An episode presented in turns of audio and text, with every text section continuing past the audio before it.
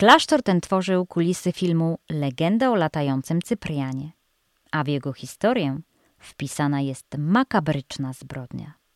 Zapraszam do Czerwonego Klasztora.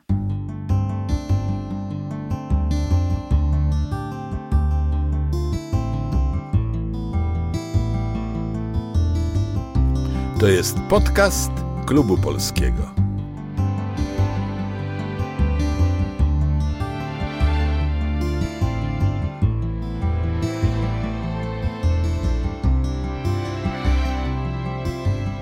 W tym wydaniu usłyszycie Państwo Magdalenę Olszewską-Zawistowską, która przeczyta swój własny artykuł z rubryki Słowackie Perełki.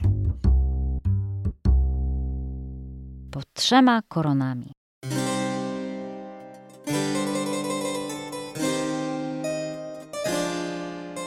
Będąc podczas tegorocznych wakacji w Pieninach, odwiedziłam kompleks klasztorny w Czerwonym Klasztorze, uznawany za jeden z najsłynniejszych i najpiękniejszych obiektów sakralnych.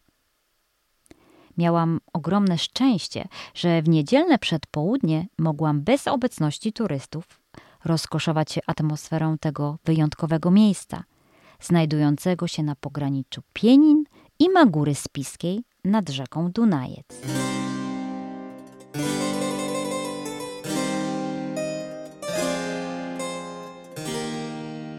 Historia Czerwonego Klasztoru zaczyna się od zbrodni, bowiem jego budowę, która rozpoczęła się w 1320 roku, nakazano Kokoszowi Berzewiczemu jako pokutę za zabójstwo. Aby odkupić swoje winy, miał on wznieść sześć klasztorów i zamówić cztery tysiące mszy za spokój duszy zmarłego. Początkowo zabudowania klasztoru wykonane były z czerwonej cegły, stąd wzięła się jego nazwa, później również i wsi. Klasztor składał się z jednonawowego kościoła w stylu gotyckim z dwiema kaplicami bocznymi oraz zabudowań o charakterze mieszkalnym i gospodarczym. Chociaż obiekt znajdował się na terenie Węgier, to otrzymywał donacje polskich królów Kazimierza Wielkiego i Jadwigi. Uzyskał też m.in. prawo do połowu ryb na obu brzegach Dunajca, młyn na polskiej stronie oraz kontyngent soli z Wieliczki.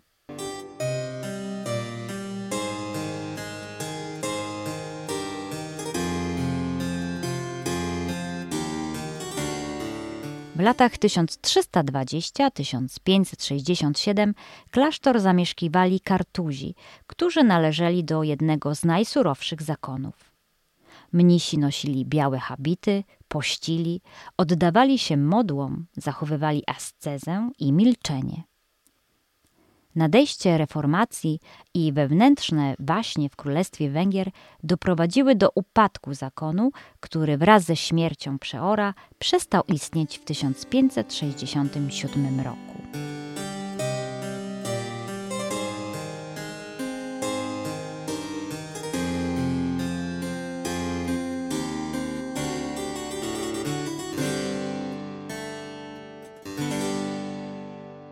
Puste zabudowania klasztorne w 1711 roku zamieszkali kameduli, którzy oprócz modlitwy zajmowali się leczeniem chorych, uprawą i zbieraniem ziół oraz sporządzaniem leków.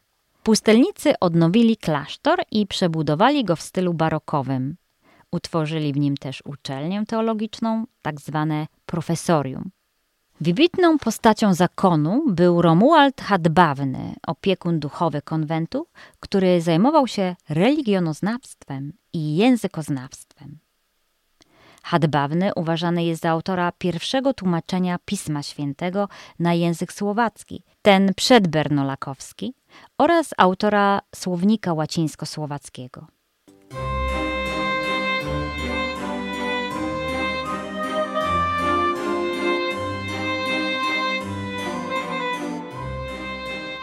Inną ciekawą osobowością zakonu był brat Cyprian, który pochodził z Polkowic na Śląsku. Ów mnich, alchemik oraz botanik prowadził aptekę, która stała się sławna na całe Królestwo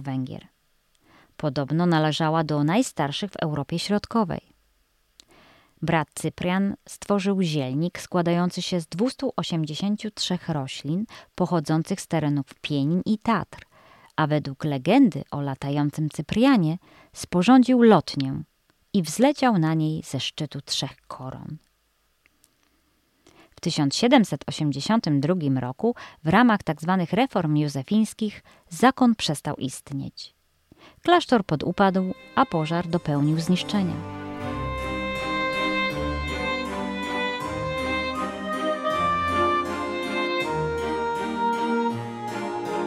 Dziś możemy podziwiać odrestaurowany dawny kompleks klasztorny.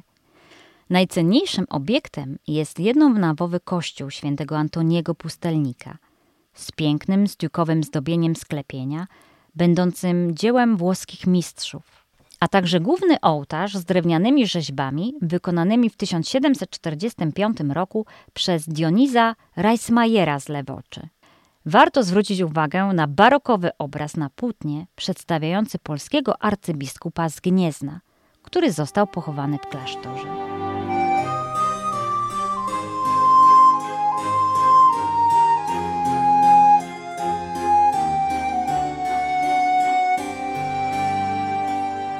Dla mnie prawdziwą perełkę stanowi sala kapitulna z gotyckim sklepieniem sieciowym oraz zachowanymi fragmentami późnogotyckich malowideł z około 1520 roku. Średniowieczny charakter tej sali przetrwał do dziś. Czerwony klasztor jest bezcennym zabytkiem narodowym słowackiej kultury, a jego bogata historia i piękno otaczającej pienińskiej przyrody pod majestatycznymi trzema koronami sprawia, że po prostu trzeba tu przyjechać.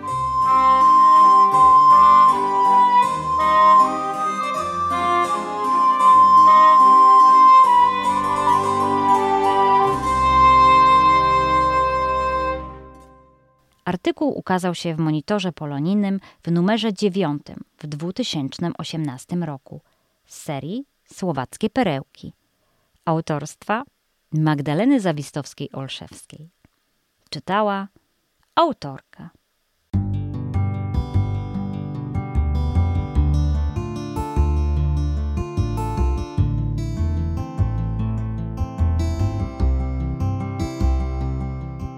Ten tekst możecie Państwo przeczytać na stronie internetowej www.polonia.sk.